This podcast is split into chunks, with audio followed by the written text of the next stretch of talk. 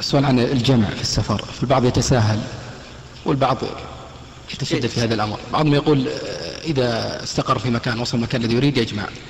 بعضهم يقول لا إذا اشتد بك السفر وأنت في, في الطريق. نعم. آه، الجمع للمسافر سنة عند الحاجة إليه. وذلك إذا جد به الطريق. يعني إذا استمر في سفره.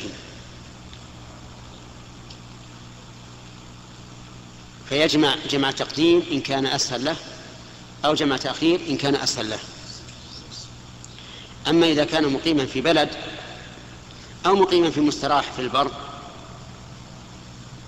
فإن كان مقيما في مستراح في البر فالأفضل ألا يجمع وإن جمع فلا بأس. وإن كان مقيما في بلد فالواجب أن يحضر صلاة الجماعة.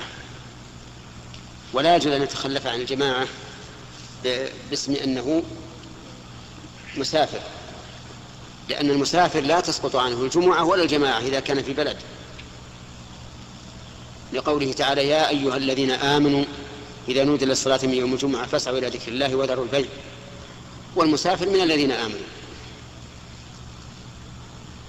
ولأن الله أمر نبيه عليه الصلاة والسلام أن يصلي بأصحابه جماعة في حال القتال. والقتال لم يكن إلا في في سفر. وأما ما اشتهر عند بعض الناس من قولهم إنه إذا كان مسافرا فلا جماعة عليه ولا جمعة ففي هذا نظر.